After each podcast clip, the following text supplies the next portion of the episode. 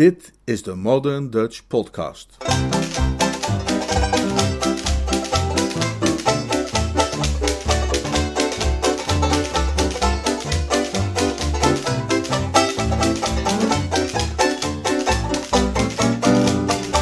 De Louterende Liefde.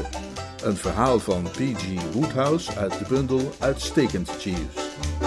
Vandaag het tweede en laatste deel. Korte inhoud van het voorafgaande. Jeeves vertrekt voor zijn jaarlijkse vakantie naar Bognor Regis om daar te gaan garnalen vissen. En Bertie logeert op Brinkley Court, het buitengoed van zijn tante Dahlia.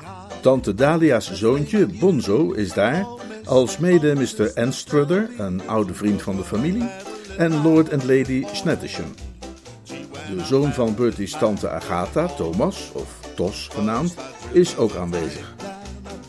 De bejaarde Mr. Anstruther, die bang is dat Bonzo en Tos zijn rust zullen verstoren en zijn broze gezondheid schaden, heeft een prijs van 5 pond aangeboden voor goed gedrag voor de jongen die zich deze vakantie het best gedraagt. Tos, die normaal een lastige knaap is, gedraagt zich ditmaal keurig, tot verdriet van tante Dahlia, omdat die met Lady Snettisham heeft gewet dat Bonzo de wedstrijd zou winnen, terwijl Lady Snettisham op Tos wedde. Tante Dahlia heeft daarbij haar waardevolle chef Anatole ingezet tegen de keukenmeid van Lady Snettisham. De Snettishams proberen Bonzo om te kopen zich te misdragen, waarin ze evenwel falen omdat het joch verliefd is op de filmster Lillian Gish en zich haar waardig wil zijn. Tante Dahlia wil wraak nemen door Tos juist tot lelijke streken te verlokken. Ze vraagt Bertie om het probleem aan Jeeves voor te leggen. Daar Jeeves op vakantie is, stelt Bertie voor om het probleem zelf aan te pakken. Bertie probeert Tos te beledigen en hem te verleiden tot wangedrag tegenover hemzelf, maar Tos blijft zich goed gedragen. Later verdient Tos zelfs bonuspunten in de wedstrijd door opvallend goede daden te verrichten. Bertie en tante Dahlia staan beschaamd en Bertie geeft toe dat ze Jeeves toch nodig zullen hebben. Hij stuurt een telegram naar Jeeves om te komen.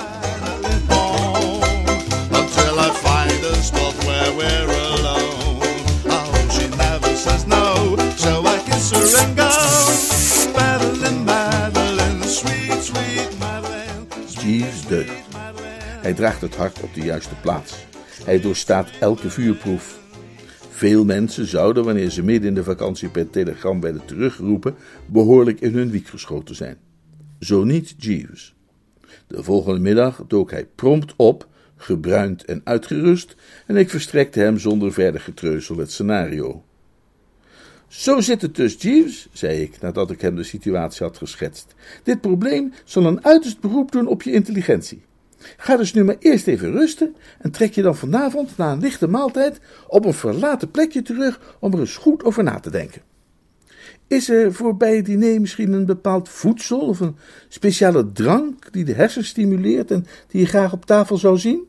Iets dat je oude vertrouwde brein nu net dat extra zetje zou kunnen geven?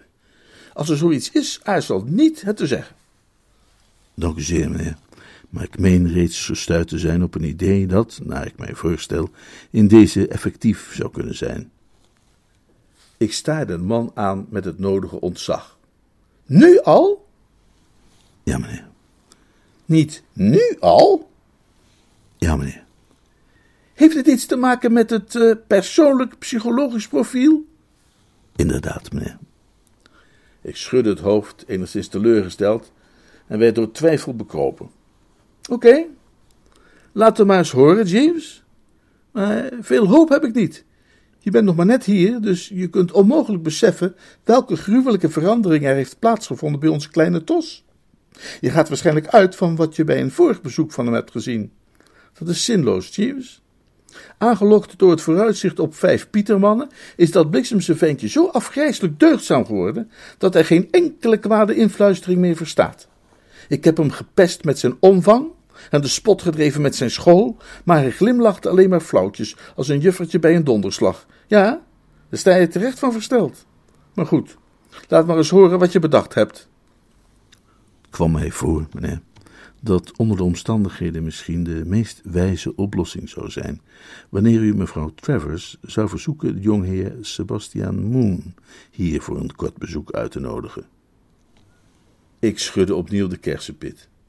Dit plan klonk mij in de oren als pure kletskoek.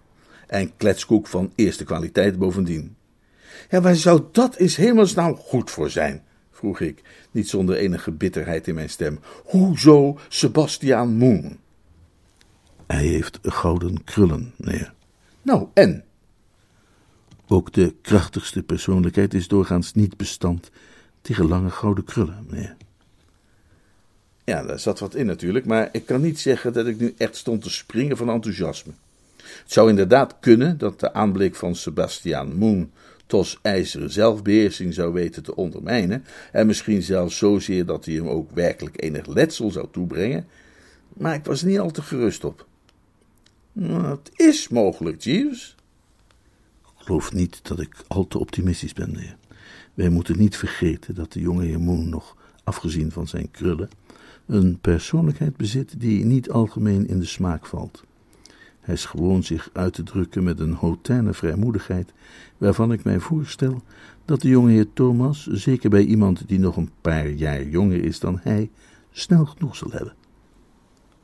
Ik had de hele tijd al het gevoel dat er met dit plan iets mis moest zijn, maar nu meende ik ineens in de gaten te hebben wat eraan schortte. Ja, maar Jeeves, Gesteld dat de kleine Sebastian inderdaad zo'n stuk ongeluk is als jij suggereert, dan zal hij toch precies dezelfde uitwerking hebben op knulletje Bonzo als op Tos. We zouden mooi staan te kijken als het onze kandidaat was die die krullenbollen van langs gegeven. Hè? Denk erop dat Bonzo nu al twintig punten achter staat en dat zijn kansen teruglopen. Daar ben ik geen sinst voor bevreesd, meneer. De jonge heer Travers is verliefd en de liefde is een uiterst krachtig voorboedmiddel wanneer men dertien is. Hm, overwoog ik. Nou ja, we kunnen het proberen, Jeeves. Ja, meneer. Ik zal tegen tante Dalia zeggen dat ze Sippy vanavond nog moet schrijven. Het is waar dat de aanblik van de kleine Sebastiaan, toen die twee dagen later aankwam, mijn pessimisme voor een goed deel wist weg te nemen. Als er ooit een knaapje was geweest wiens hele verschijning er eenvoudig om leek te schreeuwen, dat een gezonde, weldenkende jongen hem eens een keer terzijde zou nemen, ten einde hem op een rustig plekje een paar flinke dreunen te verkopen, dan was dat knaapje ontegenzeggelijk Sebastiaan Moon. Hij deed me sterk denken aan de kleine Lord Fauntleroy. Ik bestudeerde zorgvuldig de houding van onze tos op het moment van hun ontmoeting en, tenzij ik mij wel zeer vergiste, verscheen er in zijn ogen dezelfde blik die je ook wel zag in de ogen van een indianenopperhoofd, laten we zeggen Chingaguk of zittende stier, vlak voordat hij naar zijn scalpeermes greep. Hij zag eruit als iemand die op het punt stond tot handelen over te gaan. Het is waar, de manier waarop hij het knaapje de hand schudde was zeer beheerst. Alleen een scherp waarnemer zou hebben opgemerkt dat hij tot in het diepst van zijn ziel bewogen was maar ik had het gezien en ik had Jeeves onmiddellijk laten opdraven. Jeeves, misschien heb ik wat negatief geklonken toen ik het had over dat plan van jou, maar die woorden trek ik bij deze in. Volgens mij had je toch gelijk. Ik heb gezien hoe Tos reageerde op het moment dat de bom insloeg. Zijn ogen vertoonden een merkwaardige glans. Werkelijk, meneer, hij schuifelde onrustig met zijn voeten en hij trok met zijn oren. Kortom, hij zag eruit als een knaapje dat zich stond in te houden met zoveel moeite dat het bijna te veel werd voor zijn tengere gestalte. Oh ja, meneer.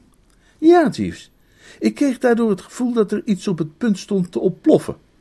Morgenochtend zal ik tante Dalia vragen om die twee mispunten mee te nemen op een fikse boswandeling en ze dan kwijt te raken op een of ander verlaten plekje, zodat we de rest kunnen overlaten aan de krachten der natuur. Dat is een uitstekend idee, meneer. Het is meer dan een uitstekend idee, Jeeves, zei ik. Het is een knaller. Weet u, hoe ouder ik word, hoe sterker ik ervan overtuigd raak dat zoiets als een knaller helemaal niet bestaat. Telkens weer heb ik dingen waar je toch vast op meende te kunnen rekenen volkomen in de soep zien lopen. En tegenwoordig bezie ik de wereld daarom nog maar zelden anders dan met een afstandelijk scepticisme. Bij de drones bijvoorbeeld komen er wel kerels naast me zitten die mij er dringend van proberen te overtuigen dat ik toch vooral zou moeten investeren in een of ander paard dat absoluut niet kan verliezen, zelfs al zou het beest direct na de starten door de bliksem worden getroffen. Maar Bertram Brewster schudt kalm het hoofd. Hij heeft te veel van het leven gezien om nog ergens zeker van te kunnen zijn. Als iemand mij had verteld dat mijn neef Tos, wanneer hij een langere tijd alleen gelaten werd met een zo ontzettend fout jongetje als Sebastian Moon, niet alleen ervan zou afzien diens gouden krullen te kortwieken met behulp van zijn zakmes, om hem vervolgens in een modderige vijver te smijten, maar in feite thuis zou komen na een lange tocht met het gruwelijke knulletje op zijn rug, omdat het arme joch een blaar op zijn voet had gekregen, dan zou ik hem honend hebben uitgelachen. Ik kende immers onze Tos. Ik kende zijn stijl. Ik had hem aan het werk gezien. En ik was ervan overtuigd dat zelfs het uitzicht op een beloning van vijf pond nooit genoeg kon zijn om hem in een dergelijke situatie van zijn gewone gedrag te doen afwijken. Maar zie wat er gebeurde. In de stilte van de zomeravond, terwijl de vogeltjes op hun lieflijkst zongen en de ganse natuur met fluisterende stem leek te spreken van geluk en hoop, barstte de bom. Ik stond op het terras wat te babbelen met de oude heer Enstrutter, toen plotseling die twee knapen in een bocht van de oprijlaan tevoorschijn kwamen. Sebastiaan zat op de rug van Tos, zijn gouden krullen wiegend op de avondbries, en zong een vrolijk lied, voor zover hij zich de tekst herinneren kon, terwijl Tos, kromgebogen onder zijn last, maar dapper volhoudend, voortploeterde met voortdurend die verdomde engelachtige glimlach van hem op zijn smoel. Hij parkeerde de krullenbol op de trede bij de voordeur en kwam naar ons toegelopen. Sebastiaan onder de scherpe spijker in zijn schoen, zei hij met zachte en zedige stem. Het deed zo'n pijn als hij liep, en daarom heb ik hem maar verder op mijn rug genomen. Ik hoorde hoe de oude heer Enstrutter bewonderend zijn adem inhield.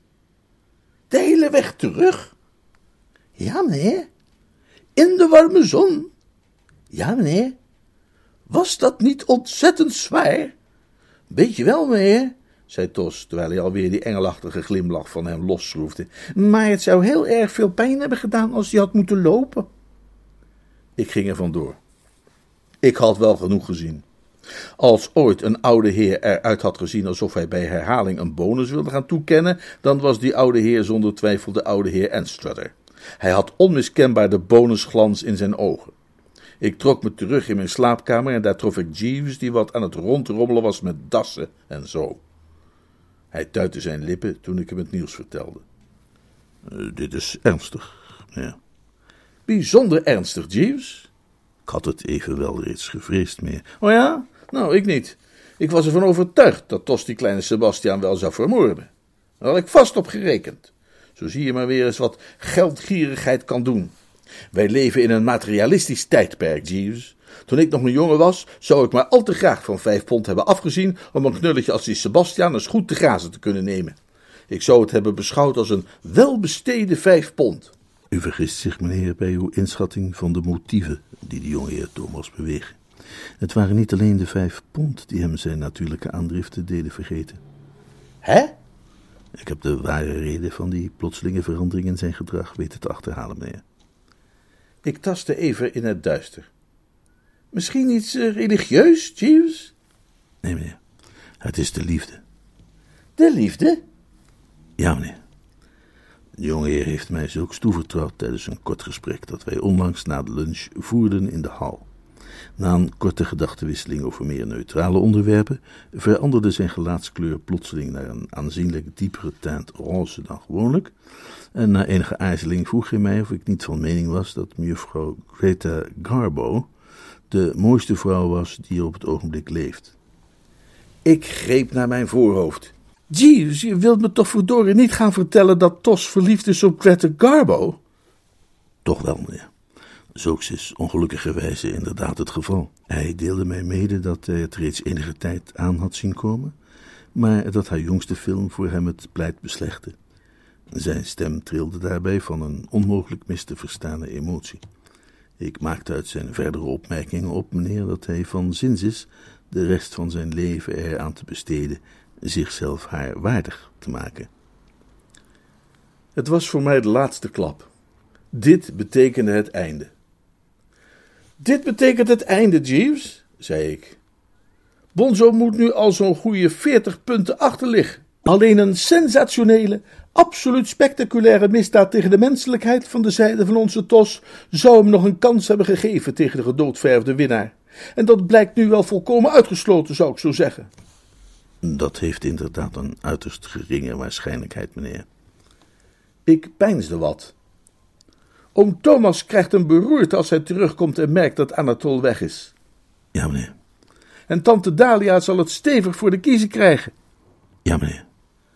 En even zuiver egoïstisch gesproken, het grootste gastronomische geneugde dat mij kon overkomen, zal voor altijd uit mijn leven verdwijnen. Tenzij de Snettishams mij ooit nog eens mochten uitnodigen om te komen kijken wat de pot schaft. Maar dat lijkt mij ook iets met een uiterst geringe waarschijnlijkheid. Ja, meneer.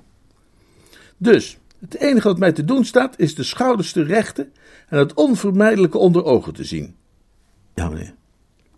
Als een aristocraat tijdens de Franse Revolutie op de mestkar, als het ware. Hè? Met, een, met een dappere glimlach en onbewegelijke bovenlip. Ja, meneer. Hoppata dan maar. Zitten de knoopjes in mijn overhemd? Ja, meneer. Ligt mijn das klaar? Ja, meneer. Schone boord en ondergoed voor de avond in gereedheid? Ja, meneer. Dan stap ik even in bad en ben ik in twee tellen weer bij je. Altijd blijven glimlachen en de bovenlip onbeweeglijk houden. Dat is allemaal goed en wel, maar naar mijn ervaring en ongetwijfeld naar die van anderen is het een stuk gemakkelijker gezegd dan gedaan die typisch Britse gelaatsuitdrukking te bewaren. Ik moet dan ook toegeven dat ik tijdens de dagen die volgden mijzelf erop betrapte, ondanks alle moeite, bijna voortdurend een nogal treurig gezicht te trekken. Want als om het allemaal nog wat erger te maken dan het al was, bereikte Anatole juist in die periode een culinair niveau dat alles wat hij ons daarvoor had getoond nog verre overschreed. Avond aan avond zaten wij daar aan de avonddis, het voedsel smeltend op onze tongen. Dan keek tante Dalia mij aan en ik keek tante Dalia aan. En hij van Snettisham keek haar van Snettisham aan, terwijl hij op gruwelijk begeerige wijze informeerde of zij ooit eerder van een dergelijke kookkunst had mogen genieten. Waarop zij van Snettisham dan meesmuilend hem van Snettisham toevoegde dat ze nog nooit van haar levensdagen zoiets had geproefd. En daarop keek ik dan naar tante Dalia, tante Dalia naar mij, en vulden zich onze ogen met ongeschreide tranen, als u weet wat ik zeggen wil. En intussen liep het bezoek van de oude heer Enstrutter langzaam ten einde. Onze dagen waren geteld, als het ware.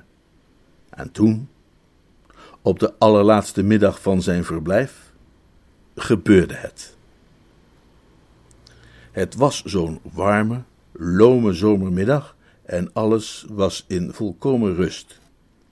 Ik zat boven op mijn slaapkamer, waar ik voorzichtig wat achterstallige correspondentie probeerde af te handelen, en van waar ik een plezierig uitzicht had op het schaduwrijke gazon, compleet met belendende kleurrijke bloembedden.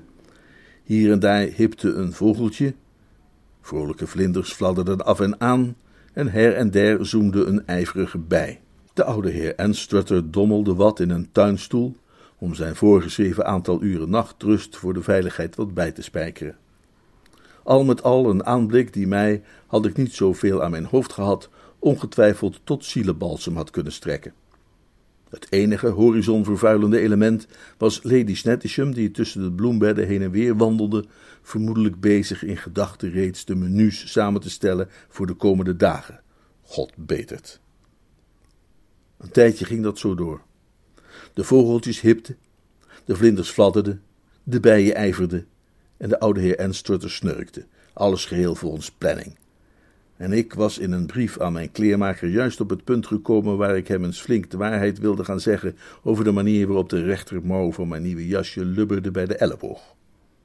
Er klonk een klop op de deur en Jeeves kwam binnen met de middagpost. Ik legde de brieven lusteloos neer op een tafeltje naast mijn stoel. Nou, Jeeves, zei ik somber. Meneer, hij vertrekt morgen, meneer Enstrutter. Ja, meneer. Ik tuurde omlaag naar de slapende grijsaard. In mijn jonge jaren, Jeeves, zei ik, zou ik absoluut nooit, ook al was ik nog zo verliefd, de aanblik hebben kunnen weerstaan van een oude heer die lag te slapen in een tuinstoel. Ik zou hoe dan ook iets met hem hebben uitgehaald, wat de gevolgen ook hadden mogen zijn. Werkelijk, meneer? Ja, waarschijnlijk iets met een proppenschieter. Maar de jeugd van tegenwoordig is zo vreselijk gedegenereerd. Heeft geen pit meer, geen fut. Zo'n tos zit op een prachtige zomermiddag als deze waarschijnlijk binnen en laat die Sebastiaan zijn postzegelverzameling zien of iets dergelijks. Foei, zei ik, en op een niet mis te verstaande toon. Ik meen dat de jonge heer Thomas met de jonge heer Sebastiaan aan het spelen is op het erf bij de stallen, meneer. Ik kwam de jonge heer Sebastiaan zojuist tegen en hij deelde mij mee op weg daarheen te zijn. De film, Jeeves, zei ik, is de vloek van onze tijd. Was er geen film geweest, dan zou Tos het wel geweten hebben als hij een knaapje als die Sebastiaan op het erf bij de stallen had aangetroffen. Ik onderbrak mijzelf. Uit ongeveer zuidwestelijke richting, maar van buiten mijn gezichtsveld, weerklonk opeens een doordringende kreet. Het geluid doorkliefde de lucht als een vlijmscherp mes, en de oude heer Anstrutter sprong op alsof hem dat pijnlijk in de bilstreek getroffen had. Het volgende ogenblik schoot de kleine Sebastian tevoorschijn in volle galop en op korte afstand gevolgd door Tos in een zo mogelijk nog vollere. Ondanks het feit dat hij gehinderd werd in zijn bewegingen door een grote stalemmer in zijn rechterhand, was hij in voorbeeldige vorm. Bijna had hij Sebastian ingehaald toen deze met grote tegenwoordigheid van geest wegdook achter de oude heer A, waardoor de strijd voorlopig onbeslist bleef. Het was inderdaad maar voorlopig, want Tos, die om de een of andere reden kennelijk tot in het diepst van zijn wezen was geraakt, bewoog handig opzij en manoeuvreerde met de emmer om de inhoud in de richting van zijn tegenstander te kunnen smijten. Het was echter de heer Anstrutter, die juist naar dezelfde kant opzij was gestapt, voor zover ik het van die afstand kon zien, die de volle lading over zich heen kreeg. In die ene seconde ontwikkelde hij zich, zonder de geringste training of vooropleiding, tot onbetwist de natste man in Worcestershire. Jeeves! schreeuwde ik. Ja, meneer, inderdaad, zei Jeeves, en het leek mij dat hij met die woorden de zaak volledig correct had samengevat. Daar beneden begon de situatie aardig verhit te raken. De oude heer Anstrutter mocht dan wat fragiel en kwetsbaar zijn, hij had beslist ook zijn sterke momenten. Ik heb zelden een man van zijn leeftijd een dergelijke soepele stijl zien hanteren. Hij nam de stok die naast zijn stoel had gelegen ter hand en trok van leer als een gezonde peuter. Een oogwenk later verdwenen hij en Tos buiten beeld aan de zijkant van het huis. Tos bereikte een zeldzaam tempo, maar te oordelen naar de angstige geluiden die van om de hoek weer klonken, toch niet zeldzaam genoeg om het peloton voor te blijven. De herrie en het geschreeuw stierven weg, en na een poosje met grote tevredenheid het oog te hebben mogen laten rusten op Laas Nettisham, die met verblufte blik had staan toekijken hoe haar kandidaat ieder vertrouwen van de beleggers pijlsnel verloor, wendde ik mij tot Jeeves, terwijl een gevoel van kalme triomf mij vervulde. Het gebeurt niet vaak dat ik Jeeves op zijn neus kan laten kijken, maar ditmaal mocht hij echt zijn gok eens stevig gaan bestuderen. Nu zie je het toch zelf, Jeeves, zei ik. Ik had gelijk en jij had het mis. Het ware bloed verloochent zich nooit. Eens een tos, altijd een tos. Een vos verliest wel zijn dinges, maar niets en je weet wel. Hè? Wat probeerden ze ons op school ook alweer te leren over de natuur en een riek of zoiets? Verjaagd de natuur met een riek, meneer. Terugkomen blijft zij toch. In het oorspronkelijke Latijn. Laat dat oorspronkelijke Latijn maar zitten, Jeeves. Waar het om gaat is dat ik jou wel gezegd had dat Tos die krullen niet met rust zou kunnen laten. En dat is dus ook gebleken. Jij hield vol dat hij aan de verleiding zou kunnen weerstaan. Ik geloof ook niet dat die krullen uiteindelijk de oorzaak waren van het handgemeen, meneer. Nou, dat moet wel. Nee, meneer. Ik denk dat de jonge heer Sebastiaan zich laatdunkend heeft uitgelaten over de geliefde mevrouw Garbo. Hè? Waarom zou hij dat doen? Wellicht op mijn suggestie, meneer.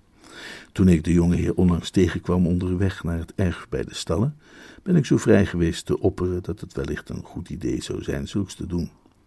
De jonge heer heeft mijn suggestie maar al te graag overgenomen, daar hij van mening is dat mevrouw Garbo, zowel qua schoonheid als qua acteertalent, sterk onderdoet voor mevrouw Clara Bow, voor wie hij zelf sedert lang een diepe bewondering koestert.